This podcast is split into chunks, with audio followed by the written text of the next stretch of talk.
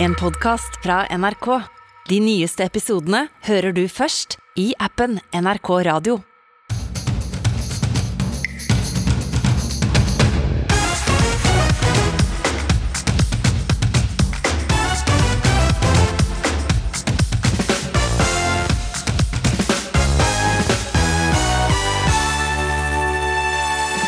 Når skjeletta ramler ut av selveste presidentskapet på Stortinget, da slår det ut på den politiske Richter-skalaen.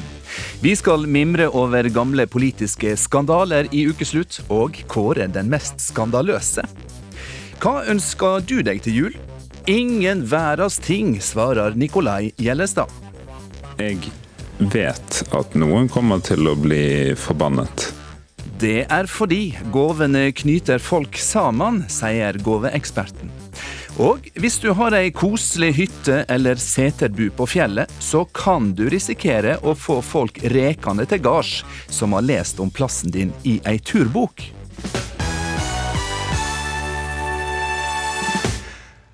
God lørdag. Jeg heter Håkon Haugsbø og ønsker deg velkommen nettopp til lyden av lørdag i NRK Ukeslutt. Vi skal ha julebord, sa ordføreren i Tromsø tidligere denne veka. Og i går ga regjeringa grønt lys til kommunene som vil innføre koronasertifikat, mellom annet på barer og restauranter. Og dermed så ser det jo rettelig lyst ut for de som gleder seg til julebordsesongen.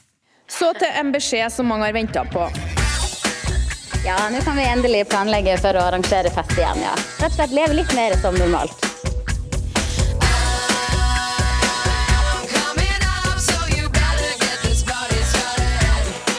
Kommuner med smitteverntiltak kan nå ta i bruk koronasertifikat for å gi lettelser til fullvaksinerte, dem som har gjennomgått infeksjon og dem som har testa negativt for covid-19 de siste 48 timene.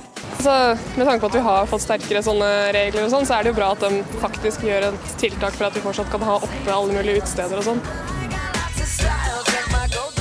Vi skal ha julebord.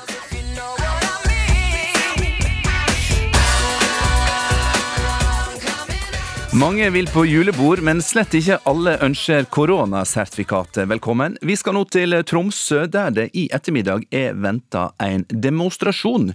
Og mot nøyaktig hva da, reporter Carl Biel i Tromsø sentrum? Ja, det er jo mot selve koronasertifikatet, eller bruken av det, som folk eh, har tenkt å arrangere en markering for. Det starta jo da eh, på en Facebook-gruppe som nå har nesten 1000 medlemmer, eh, med folk som har tenkt å mm, ja, samle seg med fakler og markere sin motstand mot koronasertifikatet. Det er, eh, det er, jo da Koronasertifikatet skal jo da brukes for å lempe på tiltakene for de som eh, allerede er vaksinert eller har hatt covid-sykdom eller har tatt en negativ test. Og dette med negativ test er jo da, eh, er jo da innført for å ivareta liksom, rettighetene til de som ikke har vaksinert seg enda. Smittetallene stiger, Karl, og det ser også frustrasjonen ut til å gjøre. Hva vet du om de som engasjerer seg i disse gruppene, og som, tar, som iallfall skal ta til gatene i ettermiddag? Nei, altså, Ut fra de diskusjonene på de Facebook-gruppene for denne markeringen, så virker det som at det er litt fra alle samfunnslag. Det er eh, disse som tror på konspirasjonsteorier om vaksinen. Og så er det også de som allerede er vaksinert, men da mener at eh, dette koronasertifikatet er med på å forskjellsbehandle de som ikke har vaksinert seg ennå. Um, så det virker som at det er litt eh, alle og enhver, egentlig. Ordføreren i Tromsø har vært tydelig på at han vil ha innført innført koronasertifikat. Hvorfor har han ikke gjort det allerede? Nei, altså I går så ble det jo klart at denne forskriften som vi har ventet på her i Tromsø, er klar. I tillegg så har, er kommunen klar til å sette, sette i verk denne, denne, loven så fort det er klart. Men det de sier nå er at det mangler en teknisk løsning for å få dette på plass.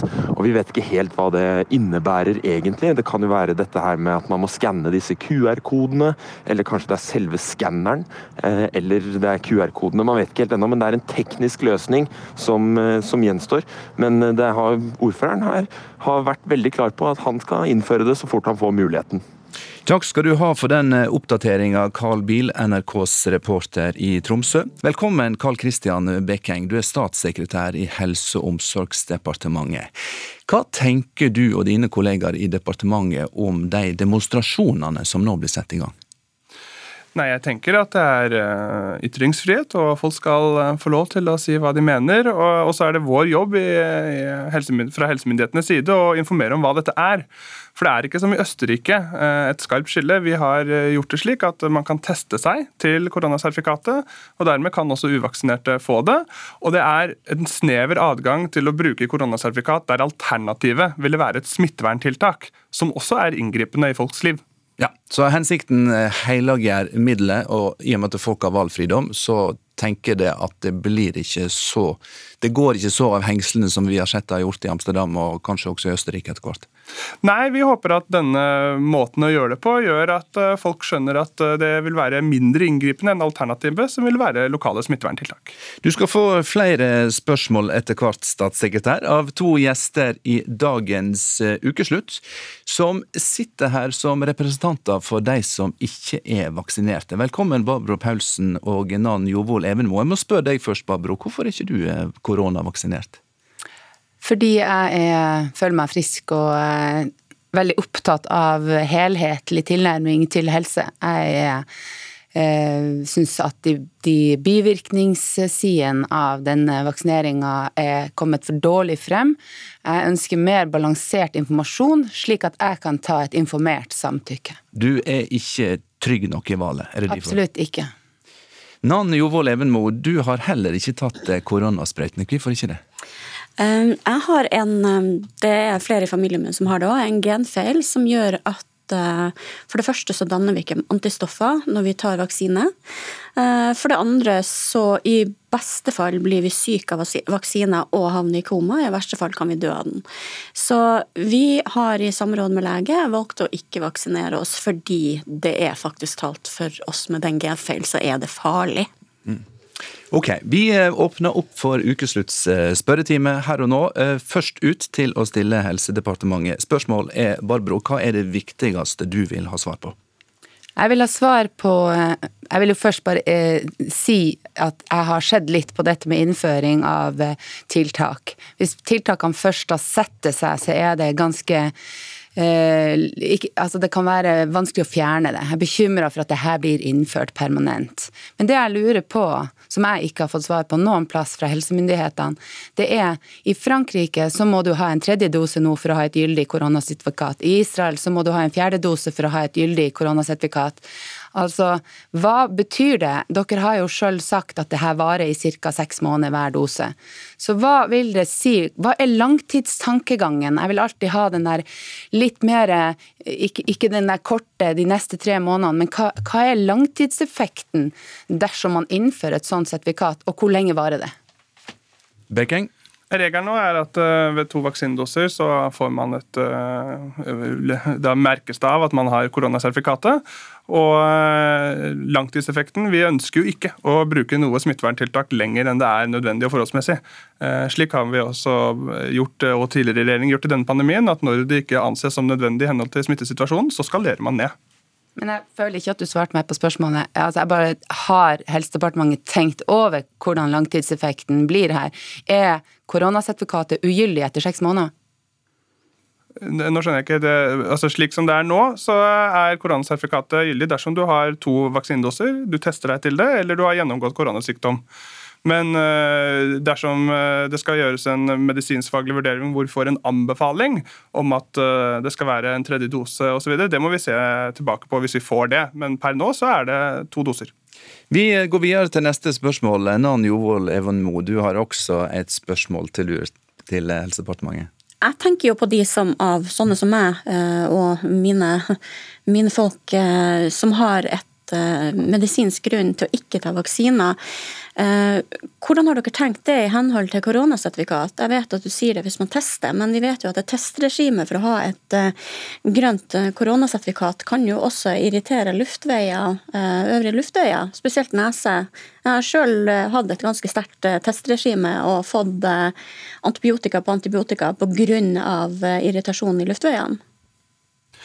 Eh, for det første så er det jo eh, nettopp av hensyn til de som av medisinske grunner ikke kan ta vaksinen, viktig at så mange som mulig tar vaksinen. Eh, bare si det først. Og så vil jeg si at dette er som et alternativ til mer inngripende tiltak, potensielt. Så dermed så mener vi at dette er mindre inngripende enn et smitteverntiltak i restaurantbransjen eller på serveringssteder osv. Og, og sist så vil jeg si at koronasertifikatordningen kan også være en, en fordel da, for de av dere som må være uvaksinerte, fordi det nettopp betrygger i at de andre som er der, har enten tatt en test eller er vaksinerte.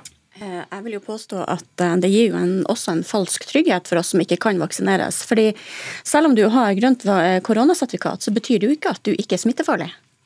Man kan aldri være helt trygg. Og Det er et viktig poeng her at alle tiltak vi gjør er for å begrense risiko. Men det vil ikke være forholdsmessig å innføre tiltak som, som griper såpass mye inn at ingen smitter noen. Derfor så mener vi at et koronasertifikat er et for, forholdsmessig tiltak. Barbro, i din heimby Tromsø skal det altså være demonstrasjon i ettermiddag. Folk er frustrerte, og eh, en kan bare ane ei splitting mellom eh, hadde nær sagt, myndigheter og folket. Dette vet jeg uroer deg. Hvorfor det? Nei, jeg vil jo bare rette Jeg kan jo si det for min egen del at eh, splittelse er vel eh, noe som vi, vi har opplevd i så mange år nå ikke funker. Så jeg vil jo bare rette det spørsmålet, for det er jo det er jo nettopp den muligheten jeg har i dag til å, å spørre deg, da. I hvilken grad er myndighetene bekymra for økte forskjeller i samfunnet? Og var det ikke mindre forskjeller som var slagordet i valgkampen deres? Så hva tenker dere da i forhold til denne splittelsen, de vaksinerte, ikke-vaksinerte? Vi eh, ser hele tiden på det og er bekymret for uh, å skape en form for polarisering mellom grupper i samfunnet. Derfor er vi imot f.eks. dette å tvangsvaksinere. Eh, og tvangsvaksinere helsepersonell. Der er det jo uenigheter i politikken, men koronasertifikatet med mulighet til test mener vi er eh, såpass balansert at det ikke burde virke polariserende. Da må jeg spørre dere to som ikke er vaksinerte. Hva rolle tenker det at dere spiller i eh, spørsmålet om splitting av folk i for og imot vaksiner? Du har medisinske årsaker til å i alle fall vegre deg for å ikke ta vaksiner. Du har gjort et selvstendig valg, Barbro. Eh, og du sitter her og på en måte tar til orde for din rett til å gjøre det. Men det er jo også et uttrykk for splittelse. At jeg tar et eh, personlig helsevalg? At du ikke tar det valget som styresmaktene ber oss om å gjøre for fellesskapet. Eh, men altså, det er vel en del av grunnprinsippet i det samfunnet vi lever i. Nettopp det at vi skal ha retten til å ta personlige valg. Jeg vil aldri jeg vil aldri gå imot eh, en, hva man skal si, en dugnad, eller hva det har vært kalt, dersom jeg er trygg i forhold til den eh, informasjonen som jeg faktisk får. Så jeg vil ikke si at man splitter ved å ta personlige valg, men jeg tenker at det er viktig å verne begge gruppene. Jeg er 100% for det personlige valget, uansett hvilket valg du velger, om du vaksinerer deg eller ikke. Kjapt svar på dette, Bekking. Nei, Vi er jo glad for at det er så mange, altså om lag 90% som derimot tar vaksinen. og Hvis flere aldersgrupper gjør det, så vil det gjøre at vi kan komme gjennom denne vintersesongen uten press på sykehusene. Så må jeg spørre deg eh, helt til slutt, Nan. Det har vært så mye fokus på eh, folk som er på julebord. Eh, kan du gå på julebord med din tilstand? Eh, nei, det gjør jeg ikke. Eh, Nå er jeg ikke av de som går så veldig mye på julebord uansett. Eh, og det har rett og slett å si at i julebordsesongen så er det jo også influensasesong som regel, og det kan jeg jo heller ikke vaksineres mot. Tusen takk skal dere ha alle tre for at dere kom til eh, ukeslutt. Hvor enkel må en regel være for at landets nummer to etter kongen skal forstå den? Det spørsmålet har vært sentralt i norsk politikk siste veka. Torsdag måtte Eva Kristin Hansen gå av som stortingspresident fordi hun hadde brutt Stortinget sine regler for pendlerbosteder. Den 9. oktober 2021. Eva Kristin Hansen blir valgt til Norges høyeste offentlige verv etter kongen. Og én sak lover den nye stortingspresidenten å ta fatt på tvert nemlig gjenreisetilliten etter flere pendlerboligsaker. Det er viktig at folk skal ha tillit til Stortinget, og ikke minst til politikere. Men så Har brutt regelverket for pendlerleiligheter for stortingsrepresentanter. For det beste i livet livet er gratis. Jeg var så overbevist om at jeg ikke hadde gjort noe feil. Hansen ser ut til å tråkke rett i samme salat som den hun skulle rydde opp i. Jeg husker at jeg diskuterte Ropstad-saken med folk på. Jeg. Eh, Og så tenkte jeg ja, ja, det er bra at jeg liksom ikke har gjort noe galt og litt sånne ting. Men hun vil ikke gå. Vi stortingsrepresentantene vi er jo veldig nervøse hele tida for å bli sett i kortene og veldig redd for å ha gjort noe galt. Men så Stortingspresidenten trekker seg. Politiet skal nå etterforske flere stortingsrepresentanter om pendlerboligene. Og da politiet ble sett til å etterforske våre folkevalgte, var skandalen komplett. Og dermed har du fått en ny skandale på lista di, Kim Arne Hammerstad, statsviter og forfatteren av boka 'Politiske skandaler i Norge'. Velkommen hit. Tusen takk. Hva slags politisk skandale er det den tidligere stortingspresidenten har fått hovedrolla i? Nei, dette er jo en klassisk økonomisk skandale. Og det er jo også den vanligste skandaleformen vi har i norsk politikk. På hvilken måte vanligst? At det er flest av Det er den som forekommer oftest, rett og slett. Ja, men du har jo kalla boka di 'Politiske skandaler', sex, korrupsjon og maktkamp. Hva rolle spiller de andre elementene her, altså sex og maktkamp? Nei, eh, de eh, kommer jo og går eh, innimellom, de òg. Og de kan jo komme i, i sammen nå. At det er en vi har en sexskandale hvor det er en maktkamp som ligger bak at dette havner i mediene og kanskje blir en veldig stor sak. da. Så, så det kan jo egentlig gå hånd i hånd. Hva er det som skal til, eh, Hammerstad, for at ei sak går fra å være ei relativt sett fillesak til å skal vi si, bryte sperregrensa for en klassisk skandale?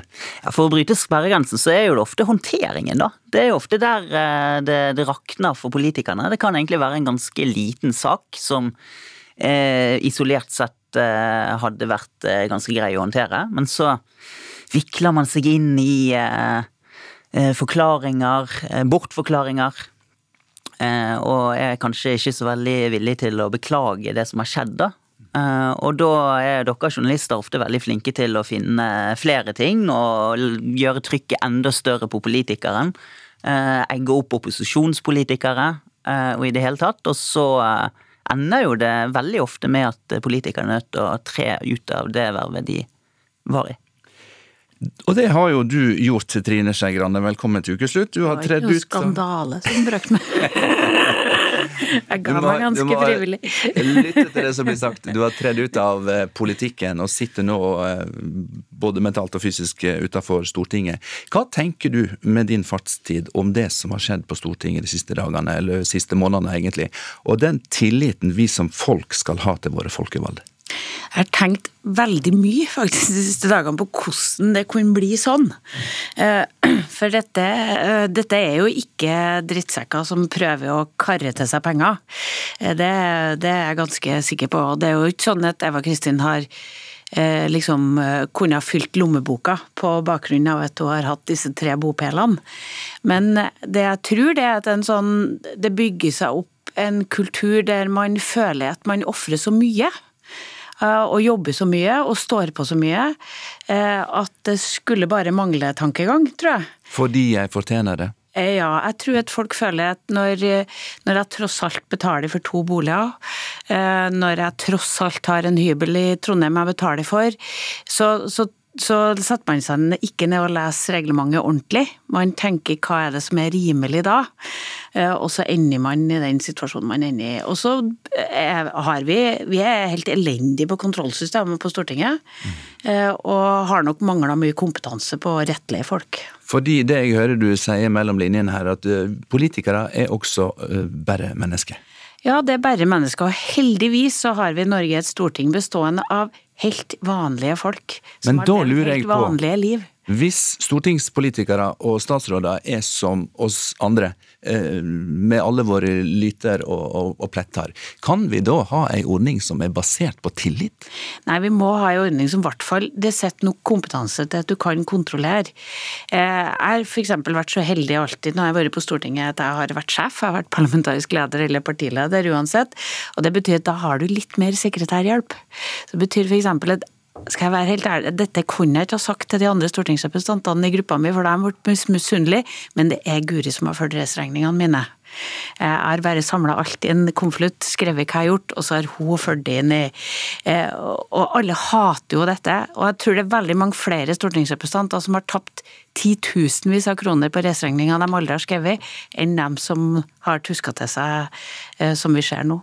Kim Arne Hammerstad, eh, du har jo gått gjennom ei, rad med politiske skandaler og, og lest Auget ble stort og vått. Hva parti er det som har flest medaljer i Norgesmesterskapene i politiske skandaler? Nei, det, det, er tett i toppen, da, men det er Fremskrittspartiet som er skandalepartiet. da. Eh, men eh, både Høyre og Arbeiderpartiet følger hakk i hæl.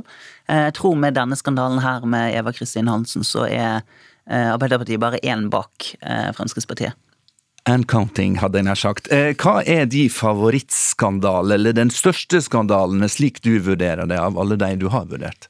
Nei, altså eh, kan, Blant de mer sånn kuriøse skandalene, så er jo Sara Khan, eh, Arbeiderpartipolitikeren på Stortinget, som i 2008 ble tatt for å ha ringt veldig mye spåkoner. Det er jo en, i hvert fall en veldig kuriøs skandale, da. Som Det var vel flere hundre tusen som hadde gått av skattebetalernes penger til å eh, ringe til spåkoner.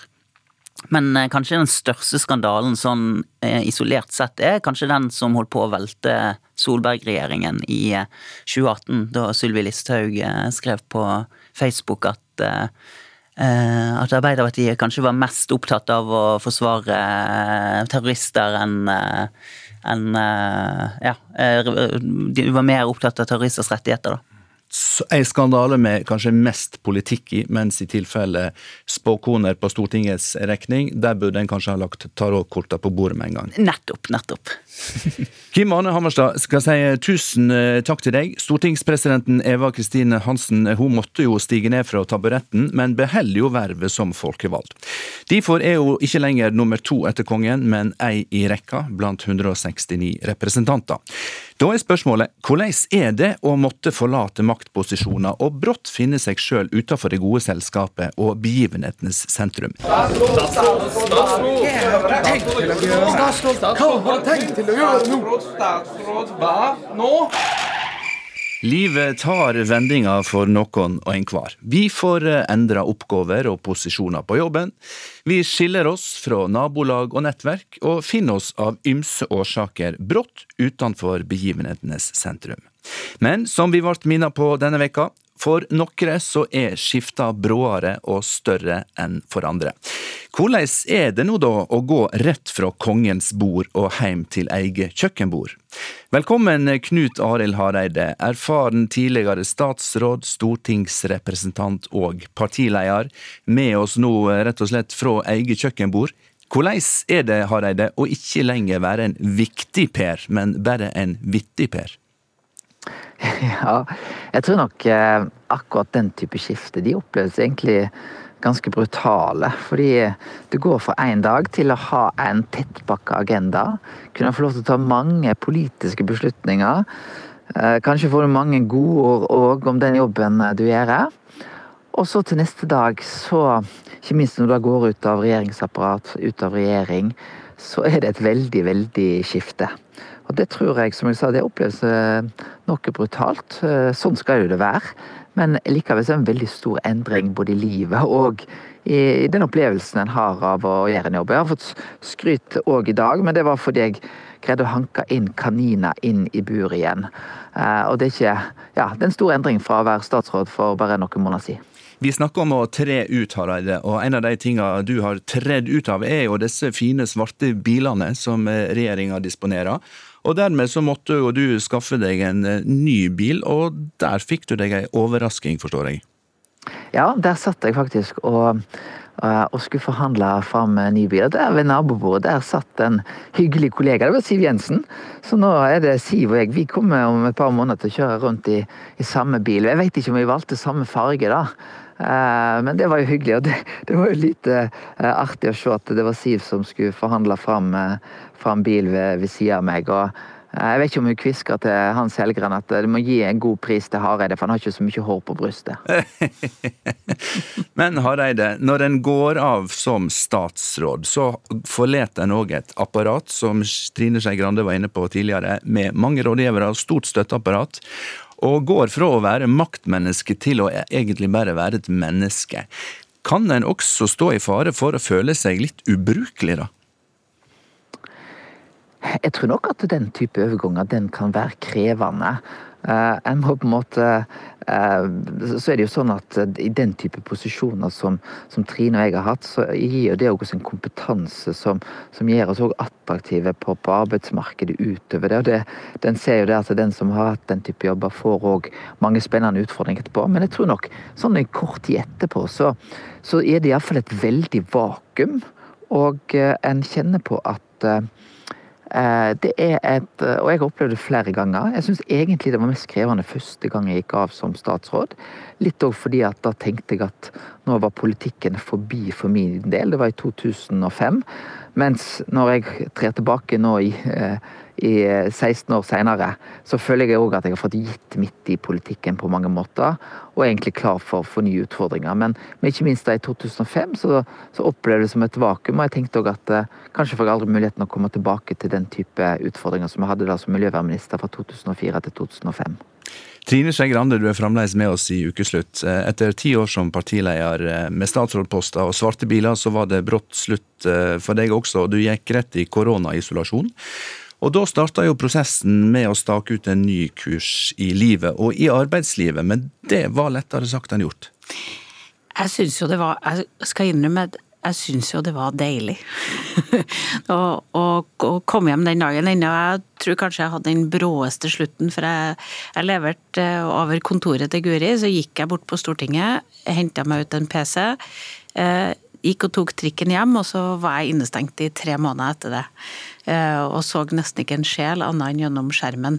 Men jeg fikk rydda i bokhyllene mine, jeg fikk ordna hjem, og, og, så begynte jeg på et oppussingsprosjekt med et gammelt hus, og laga meg mange andre sånne private ting som eh, som en stor forskjell var det. Men det er jo slitsomt å stå i de maktposisjonene òg, og det skal det være. Det har veldig sinnssykt urettferdig hvis det bare har vært behagelig å ha makt.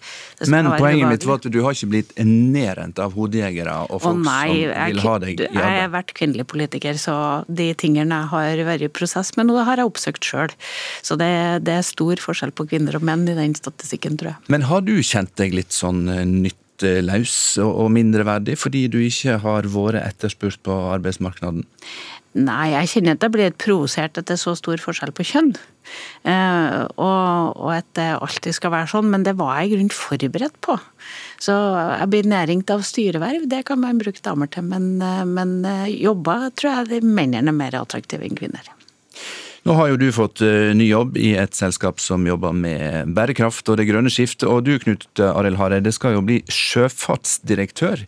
Hva råd vil dere gi til andre som havner i den posisjonen at en uh, har uh, mer tid, mindre makt og trenger kanskje litt hjelp til å komme seg videre? Hva sier du Hareide? Nei, som, som, mange har sagt til meg, at uh, av gode uh, partikollegaer som har opplevd det samme, sier at et veldig godt liv etter politikken. Og eh, det er klart at eh, det er det å bruke litt tid og, og tenke, og tenke nå er det reelt sett muligheter. Og, og både Trine og jeg er jo også såpass unge at vi har tid til å egentlig få et liv òg etter politikken. Eh, og det er jeg veldig glad for.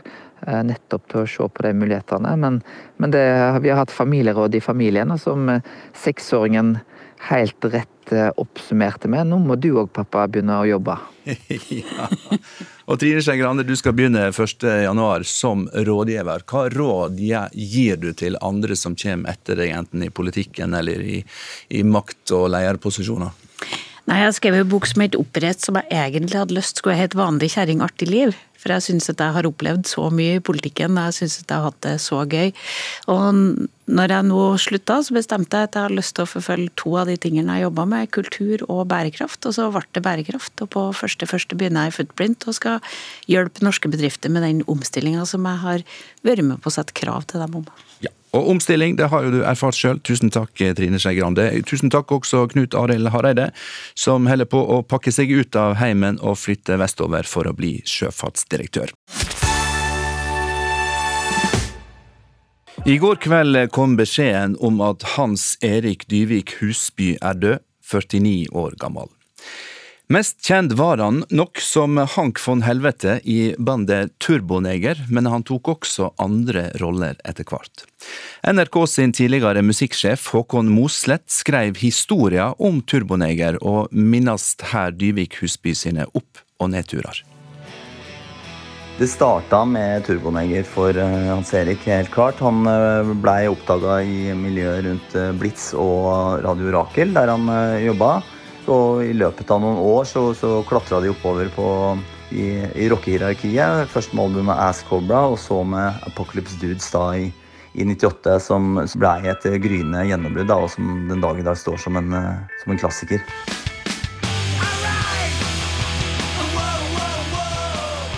De ligger nede i fire år pga. Uh, helsa til Hans Erik. Han er i en veldig dårlig forfatning. Har hatt uh, store rusproblemer og har måttet trekke seg tilbake til, uh, til, Lofoten, der han har familierøtter. Og så kommer de tilbake med et eh, smell på Kvartfestivalen i Kristiansand da, sommeren 2002, som var et helt fantastisk comeback. og og før det er uh, ikke går gærent, det er, det er splid i bandet i 2009. Og, og da, da starter liksom soloårene for, for, Hans Erik. Da, og der også har han en, en veldig sterk eh, start. Eh, først som spiller Jesus i Jesus Christ Superstar, og så har han jo da hovedrollen i en svensk eh, storfilm om, om Cornelis Bresvik. Somliga går i trasiga skor. Se hva beror det på ja, så, så, fulgte på en måte noen år der han, man kunne se han overalt, og, og kanskje litt ukritisk stilte opp i, i, veldig mange sammenhenger. Og etter hvert en, eh, en kjent skikkelse i, i diverse reality-programmer. Og så de seinere årene har han jo også fått, fikk han stabla på beina en, en solokarriere, og skulle jo nå i 2022 ut på en, på en stor europatur med, sitt, med sin eget band. Hvem bryr seg om hvor nettene far? Jeg vil i hvert fall huske han som en uh, utrolig varm og uh, original eh, person og, og, scenepersonlighet. Han var litt sånn Han gjorde inntrykk enten du, du møtte han på tomannshånd eller du så han på scenen. Og han hadde noe, noe helt eget. Han liksom kombinerte det å være utrolig frekk og drøy, og også med et sånn et brorskap med Thomas Seltzer, eller Happy Tom. Eh, på scenen. Det er liksom noe av det jeg vil, eh, som, som står, etter, eh, står, igjen etter han. Den siste tida har flere store norske kriminalsaker tatt nye og dramatiske vendinger. Mannen som er siktet for drapet på Birgitte Tengs, ble fengslet i kveld. Han er også mistenkt for drapet på Tina Jørgensen. I dag ble det kjent at en tidligere iransk diplomat er en av de to som er siktet for drapsforsøket på William Nygaard i 1993. Gjennombrudd for Viggo Kristiansen får drapssaken fra Baneheia gjenopptatt.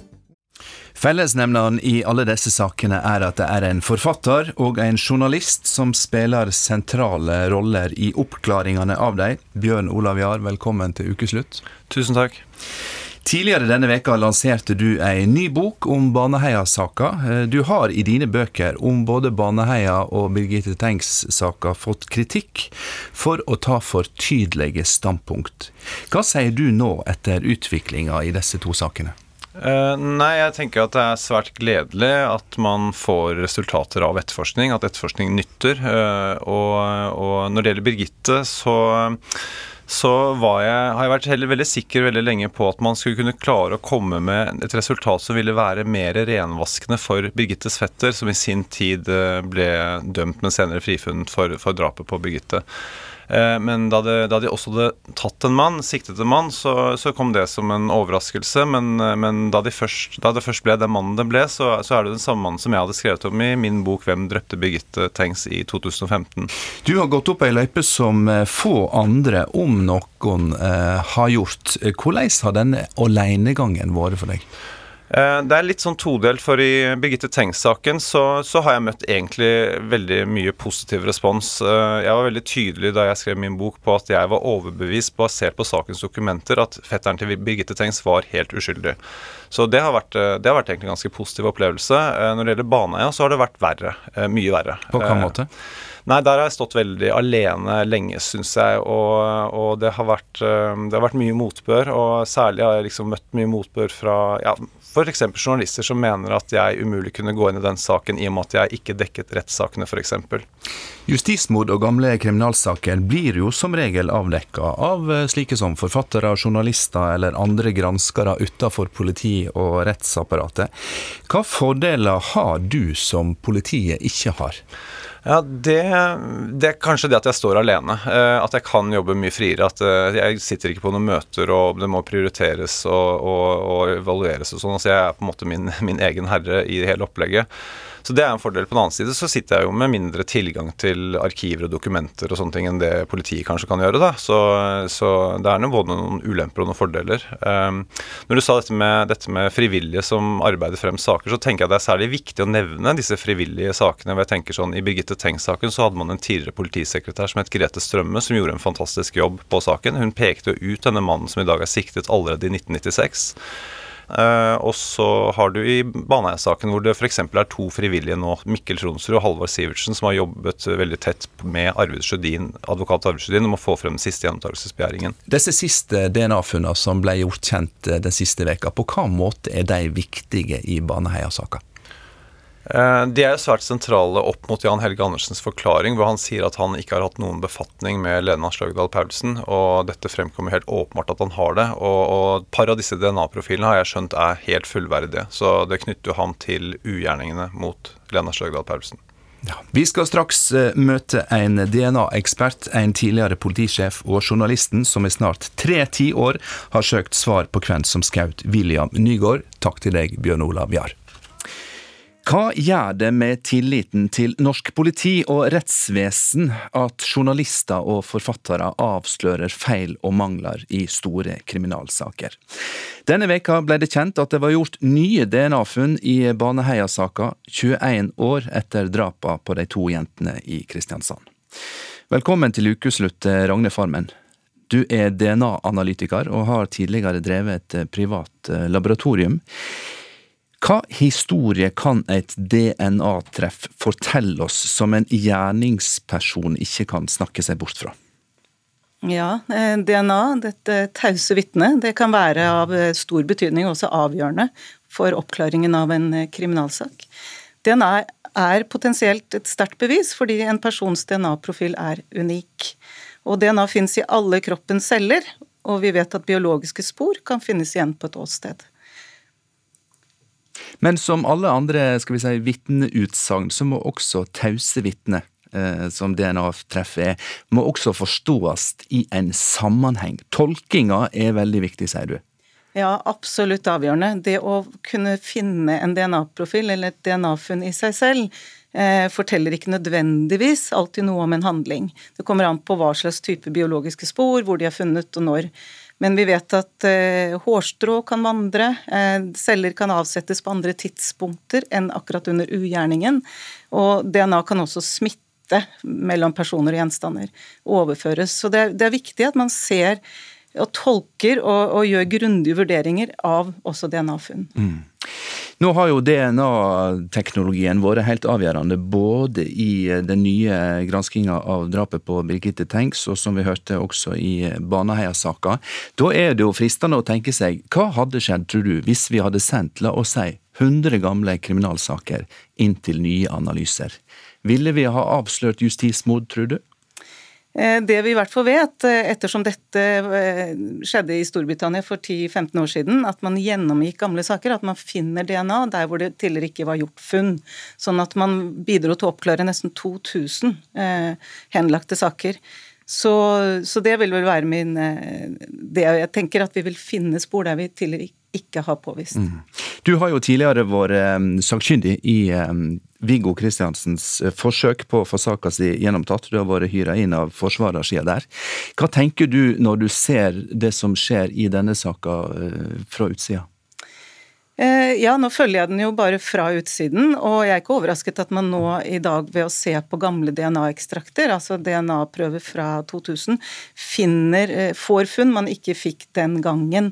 Rundt, det har skjedd mye i teknologien fra 2000 til rundt 2010, men de siste 10-12 årene er det ikke skjedd så store utviklinger innenfor teknologien. Så jeg er jo litt der at jeg undrer meg at vi ikke kunne ha sett på dette også for 10-12 år siden. Et annet kapittel i norsk kriminalhistorie fikk et nytt avsnitt nylig, da NRK kunne identifisere to menn som er sikta av politiet for attentatforsøket på William Nygaard, tidligere forlagssjef i Aschhaug. Det er 28 år siden, likevel så holder du fram gravinga i denne saka, Oddi Sungseth. Hva er det som driver deg? Det er sakas veldig store overbygning og sakas prinsipielle karakter, og det faktum at den er uløst. Vi har snakka om eh, skal vi si, ikke direkte samarbeid, men de ulike kreftene som spiller inn. Nye DNA-treff, eh, forfattere som gransker, eh, frivillige som pusher på. Hvor mye kraft og samarbeid vil, du si det har vært i arbeidet med Nygård-attentat og avsløring av det? Nei, denne har jeg stort sett vært alene om som dokumentarfilmskaper i TV 2, og så har jeg skrevet bøker. Og så har jeg fortsatt å jobbe med dette i ny og ne. jeg greier liksom aldri å slippe helt taket. Og så er det jo sånn at eh, jeg stadig vekk har kontakt med enkelte aktører, og stadig vekk får nye tips, og stadig vekk kanskje ser nye ting. Som gjør at eh, jeg plaga Kripos, som nå har hatt denne til etterforskning i, hele tolv år, etter at det ble gjenopptatt, så plaga jeg deg jo med, med disse spørsmålene mine i, i ny og ne. Mm. En av de som nå er sikta av norsk politi, har du identifisert som en iransk eh, toppdiplomat, tidligere tilsatt ved, ved Irans ambassade i Oslo. Dersom dette attentatforsøket faktisk er et forsøk på statsterrorisme, hvorfor har det da ikke fått større oppmerksomhet av politi eh, og media? Eh, nei, det forundrer meg, men det er klart at denne saken får jo oppmerksomhet i, i rykk og napp.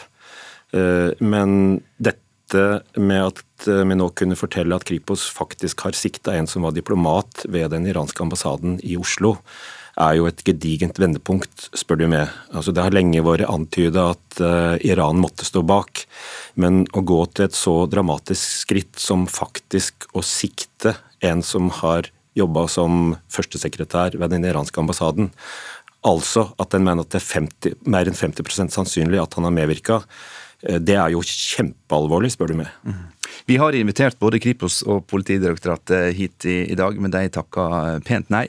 Og da var veien heldigvis kort til deg, Hanne Kristin Rode. Du er jo kjent som tidligere leder for etterforsking av valds- og seksualbrottsverk i Oslo, og også et kjent fjes i TV-programmet Åsted Norge på TV 2. Hva tenker en tidligere krimsjef om vendingene som flere av de store sakene, Nygårdssaken, Baneheia og Tengs-saken, har fått? Helt prinsipielt så er jeg glad for enhver oppklaring. Eh, fordi det er veldig lett å bli fanget av strukturen om hvordan samfunnet bør være bygget opp, istedenfor å alltid holde fast ved at det er mennesker, det er pårørende, i enhver sak.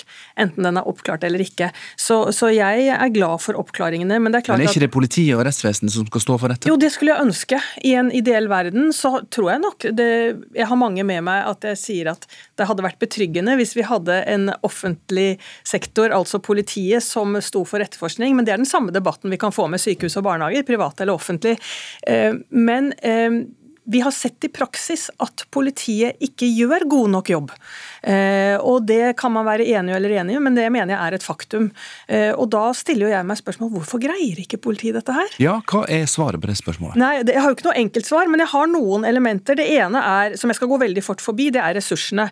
Eh, det er veldig, veldig tidkrevende saker, en del av dette her. Og i min tid i politiet så fikk vi jo av politikere høre at vi måtte jobbe smartere. Og da tenkte jeg jobber vi særlig smartere nå, da blir vi sykemeldt. Men så kommer vi til faget, etterforskningsfaget. Og der må man i tillegg til formalkompetansen, så må man jo selvsagt ha evnen eh, til å se alle hypoteser fra første sekund i en ny sak, en ny alvorlig sak.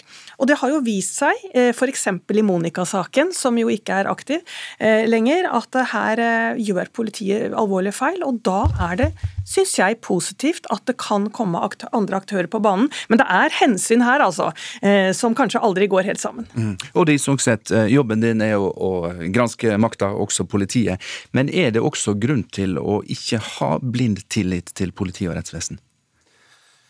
Det var et vanskelig spørsmål. Ja. altså, naturligvis så skal vi ha tillit til politi og, og, rettsvesen, og jeg har stor respekt for den jobben politiet gjør. Det vil jeg veldig gjerne understreke. Mm. Og så er det sånn som uh, Hanne Rode sier, at uh, av og til så er det strukturer, av og til så er det blindspor, av og til så er det ting som gjør at en ikke kommer gjennom. Og så er det noen av oss som kan sitte på utsida og være litt sånn etterpåklok. Altså, journalistikk er jo å holde på med etterpåklokskap på en eller annen måte, og det er en fornøyelse. Uh, og da kan jo vi holde på å, å leite etter detaljer, bygge opp kildeforhold. Og sånn som i denne runden nå, på en måte altså ha med oss folk uh, Jeg har jo jobbet tett med en som opprinnelig er fra Libanon, og en som opprinnelig er fra Iran. ikke sant? Det, det gjør jo jobben at vi kan kanskje komme lengre, kan bruke andre metoder enn politiet. Så jeg, så jeg vil ikke være med på at, at politiet er fullstendig skandalisert. Nei, og Det er heller ikke min intensjon, men bekreftelsesfella kan ramme alle. Så de som da er utenfor formalkompetansen, enten det er forfattere eller journalister, må da forstå hvilket samfunnsansvar de faktisk bærer når man går inn i en alvorlig straffesak. Mm. Nå finnes det jo ikke tekniske bevis, heller ikke biologiske spor i Dagaliveien der William Nygaard ble skutt, men hvis det fantes snev av dette, Ragne Farmen, kan vi da ta for gitt at eh, attentatforsøket på Nygaard hadde vært oppklara? Det ville i hvert fall vært et stort bidrag til, eh, til å sette personer i sammenheng med etterforskningen. Tusen takk, eh, Ragne Farmen, eh, Oddi Sungseth og Hanne Kristin Rode, for at dere kom til ukeslutt og tok den praten om et viktig tema i vårt demokrati. Så er det på'n igjen, med det hyggelige, men evinnelige spørsmålet Hva ønsker du deg til jul? Og da er det jo slik at jeg må prøve å komme på et ønske eller to, slik at vi har noe å skrive opp til ønskelista for venner og familie. Nei, slutt med det! sier Nikolai Gjellestad. Han har skrevet en kronikk på NRK Ytring med tittelen Jeg ønsker meg ingenting til jul, der han understreker at gavetradisjonen verken er bærekraftig eller meningsfull. Så Ukeslutt sin reporter, Saria Victoria Rygg, hun har prøvd å ønske seg ingenting av søstera si til jul. Du har kanskje satt søstera di i en litt kinkig situasjon, fordi du har avvist hennes invitasjon til å gjøre noe hyggelig for deg.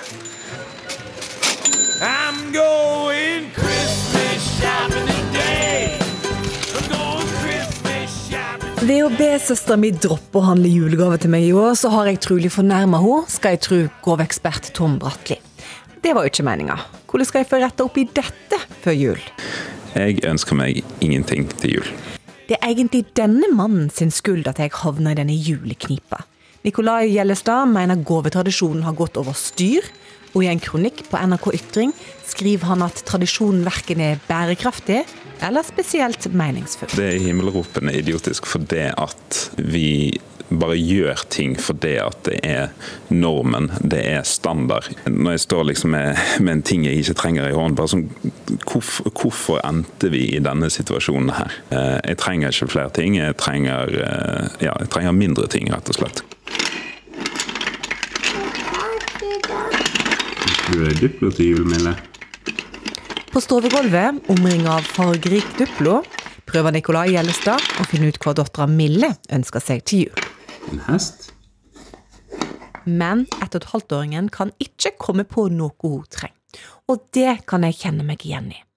Så da den årlige tekstmeldinga fra søstera mi tikka inn på telefonen min her forleden, hva ønsker du deg til jul, kunne ikke jeg komme på en eneste ting. Prøv å tenke deg om, kjære lytter. Kan du komme på noe du virkelig trenger til jul? Den der eh, dårlige følelsen av å liksom finne på ting å ønske seg som jeg egentlig ikke trenger. Det blir jo veldig kjedelig på julaften. da. Kunne du ha en eneste ting å pakke opp?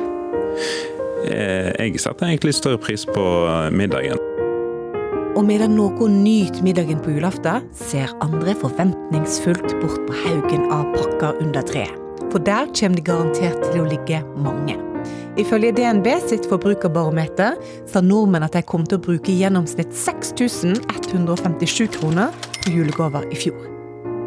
Mange av disse julegavene er helt unødvendige, ifølge Nicolai Gjellestad. Vi lever over evne her på jorden, så nå må vi ta et steg tilbake igjen og finne ut hvordan vi skal gjøre tradisjonene fremover for at vi skal kunne feire jul i eh, tusen år til. Ifølge Nicolai Gjellestad ligger nøkkelen til endring hos den som skriver ønskelista. Og siden jeg ikke kommer på et eneste fornuftig ønske, så prøver jeg meg på en ny vri når jeg sender årets ønskeliste på tekstmelding til søstera mi. Hei. Jeg ønsker meg ingenting til jul. Så får vi se hva hun skriver tilbake. Det svaret kommer raskt, ja. Hæ? Greit, her må jeg forklare litt igjen. Jeg har alt jeg trenger. Her kommer prikken opp, ja. Det betyr at hun tenker og skriver. Vi tar oss en tur til Stillehavet medan vi venter på svar.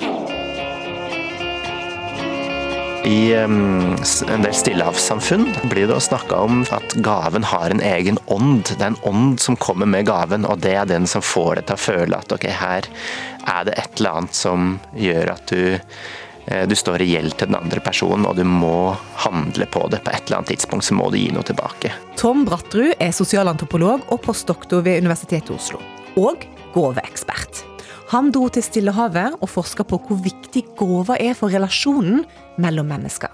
Gaven den har en egen kraft til å binde sammen giver og mottaker. Når gjenytelsen eh, til en gave ikke er umiddelbar, så skapes det noen vage forpliktelser mellom giver og mottaker. Har en gitt noe, så forventes det at en får noe tilbake på et eller annet tidspunkt.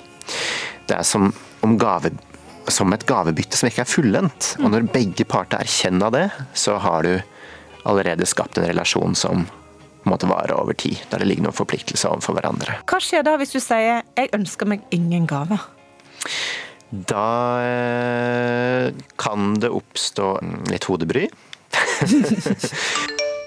ok, la oss se hva hodebry jeg skal få denne jula. Hun skriver. Ingen gåver du liksom. Dette har jeg ikke tid til. Send ønskeliste nå. Ok. Du er ikke redd for å gjøre noen fly forbanna rett før jul? Jeg vet at noen kommer til å bli forbannet. Eh, men vi kan ikke la det stå i veien for å gjøre det som er det rette. Så, så litt kinkig, litt sånn dårlig stemning på julaften, det kan vi tåle for å endre en tradisjon som ikke ja. er bærekraftig? Det skal være litt vondt før det blir godt.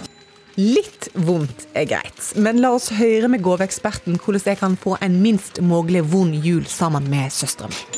Hun har nok veldig lyst, sannsynligvis, tipper jeg da, til å gi det et eller annet, bare for å vise, for å liksom materialisere hennes eh, kjærlighet for det. Eh, og det å kunne gjøre det på en eller annen måte, det er kanskje viktig for henne. Og da går det an å si, hvis du har alt du trenger, så går det an å si at eh, vi setter veldig pris på å møte deg til en eh, konsert eller en eh, teater eller en middag en gang, eller eh, et eller annet sånt som ikke nødvendigvis er en materiell ting. Takk for tips, jeg prøver meg på ny tekstmelding. Hei igjen. Mitt julegaveønske er at vi to går på restaurant og koser oss. Så får vi se om det meningsfulle og bærekraftige ønsket blir godt mottatt. Oi, der fikk jeg en tommel opp! Jula er redda.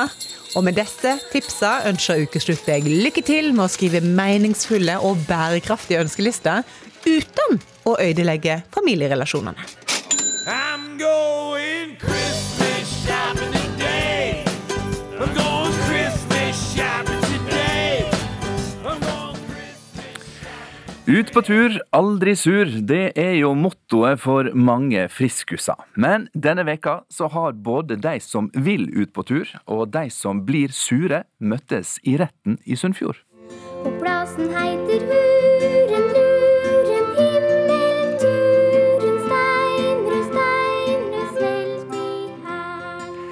En gammel fjellgard høyt oppe over Førdefjorden dukka nemlig opp i ei turbok utgitt av et lokalt forlag, med tips og råd om hvordan folk kan komme seg opp dit, og hva en bør se når en kommer til gards. Men eierne av fjellgarden vil ikke ha ferieparadiset sitt avbilda i boka, eller flere folk rekende rundt de gamle murveggene. Derfor har de saksøkt forlaget for brudd på privatlivets fred. Men forlaget svarer at der det ikke bor folk, er det heller ikke noe privatliv å verne om. Jon Wesselås, leder i Advokatforeningen og erfaren jurist på felt som fotografering og, og publiseringsspørsmål, velkommen til ukeslutt. Takk for det. Dette er jo ei artig sak, sier du om tvistemålet. På hva måte er den artig? Ja, Det er jo alltid litt farlig når fagfolk sier at ting er artig. Akkurat som en kirurg kan kalle en operasjon artig eh, faglig sett, selv om pasienten kanskje ikke syns det. Um, nei, men artig fordi eh, jeg tror mange kan skjønne uh, at når du har et sånt lite ferieparadis da på fjellet, så har du ofte det fordi der kommer du vekk fra folk. Og da ønsker man jo ikke, sånn er jo vi nordmenn. Andre samles jo i påskeferier i storbyer og sånn, vi drar så langt unna hverandre vi kan. At du ikke vil ha for mange mennesker gående forbi. Selv om de har lov til det. Det skjønner jeg. Men det artige er at det, det artige det er at man kan skjønne problemet, men det er egentlig ikke noe juridisk løsning på det, etter min mening, i den saken. Det er, ikke forbudt, det er jo ikke forbudt å ta bilder av bygninger eller hus i seg selv. Så lenge du ikke avbilder altså, menneskene der, eller inn i vinduene på en måte hva som finnes innendørs av private ting osv.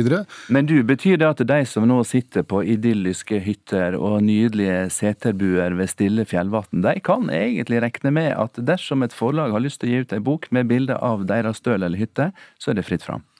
Det er i utgangspunktet fritt frem. Selvfølgelig ikke begynne å skrive om de som eier og deres personlige forhold osv., men sånne bilder det er jo ikke uvanlig heller. Trond Henning Monan, velkommen også til deg. I sju år så bodde du i ei hytte alene i skogen nord for Kristiansand, for å få være i fred. Hvordan tror du at du hadde reagert dersom plassen din hadde dukka opp i ei turbok med tips og råd om veien fram dit? Uh, nei, da hadde jeg nok uh, gjort som uh, som de personene vi, vi, snakker om her nå, hadde gjort akkurat det samme. Eller så hadde jeg vel jeg hadde revet til med den boka hvis, det, hvis disse turgåerene hadde henne med seg. Og så hadde jeg vel kjeppjagd, tror jeg. Må jo sies, Trond, at du var med i en episode av TV-suksessen Der ingen skulle tro at noen kunne bo, for noen år siden. Og da opplevde du at både du og hytta i skogen ble en attraksjon. Hvordan var det? Ehm, stort sett så er det jo hyggelige folk eh, som kommer, eh, som ferdes rundt. Eh, men jeg hadde jo episoder hvor, hvor det plutselig sto folk nesten inn på kjøkkenet mitt, godt inn i vinterhagen. og, og jeg stokker jo, støkker jo godt da, når en er i sin egen lille verden der inne. Um, så, og Jeg hadde jo folk som kom plutselig bare satte seg ned og begynte å drikke kaffe. På, eh, på plenen min rundt mitt private bord. Da. Men du, folk, de som kom til deg, syns kanskje at du òg var litt rar, siden du bodde alene i ei hytte i skogen. Eh, føler du dermed at du nærmest blir sett på utstilling? Det er jo når, blir, når, det blir sånn, når, det, når, du blir et turmål, eh, så er det litt annerledes. Det, det er jo det å dumpe på hverandre i naturen, er jo, da hilser vi på hverandre og vi er som regel høflige og så går vi videre til hver, hvert vårt. Men, men, når du blir på en måte endestasjonen for turen, at det er her du spiser nista di og det er, her du, det, det er dette som er målet for turen, så, så, så blir det noe helt annet. Jeg vil jo, jeg vil jo si at uh, altså, hvis man enten er på en nettside eller noe annet, oppfordrer noen til altså Der hvor noen faktisk bor hele tiden, oppfordrer folk ta en tur innom den som bor der, liksom. Gå så nær du kan. Det er lov. Eh, da ser jeg ikke bort fra at du kan tenkes at det kan være nærmest en straffbar oppfordring til det som heter hensynsløs atferd. Kort til slutt, eh, Jon Wesselås. Du har jo eh, et sommerparadis i Danmark ved sjøen. Hvordan hadde du likt at ferieparadiset ditt dukka opp i ei bok som heter Deilige danske drømmer? jeg hadde bare måttet leve med det, så Du hadde ikke likt det? Nei, Nei, det er derfor jeg sier at man kan skjønne dette her. Man kan det. Men, eh, men eh, problemet er at det er litt vanskelig å regulere dette. Trond, du har jo eh, flytta ut av skogen og inn i rett og slett et bostadfelt på Hovden. Hvordan trives du ute blant folk? Uh, jo, det det er, Jeg syns det er fint med et lite nabolag. Altså, bor jeg, jeg, bor jo i enden av veien, så, så, så det, er, det, er, fint. Du vil ikke si noe om alle disse fotturistene? jeg har fått en tursti rett klin opp i huset mitt. og jeg tror kanskje jeg må ut og flytte på noen blå steiner og så kjøpe noe blåmaling og legge den kanskje litt, litt, litt vekk. Men det må jo gå greit. Ja, du vil rett og slett flytte turstien for å få være i fred. Tusen takk Trond Henning Monan, og tusen takk også Jon Wessel Aas, leder i Advokatforeninga. Ukeslutt er nettopp det. Straks slutt. Ansvarlig for sendinga var Philip A. Johannesborg, teknisk ansvarlig Helje Svensson. Her i studio hørte du Håkon Haugsbø som sier pakk inn en klem og ha god helg. Du har hørt en podkast fra NRK. De nyeste episodene hører du først i appen NRK Radio.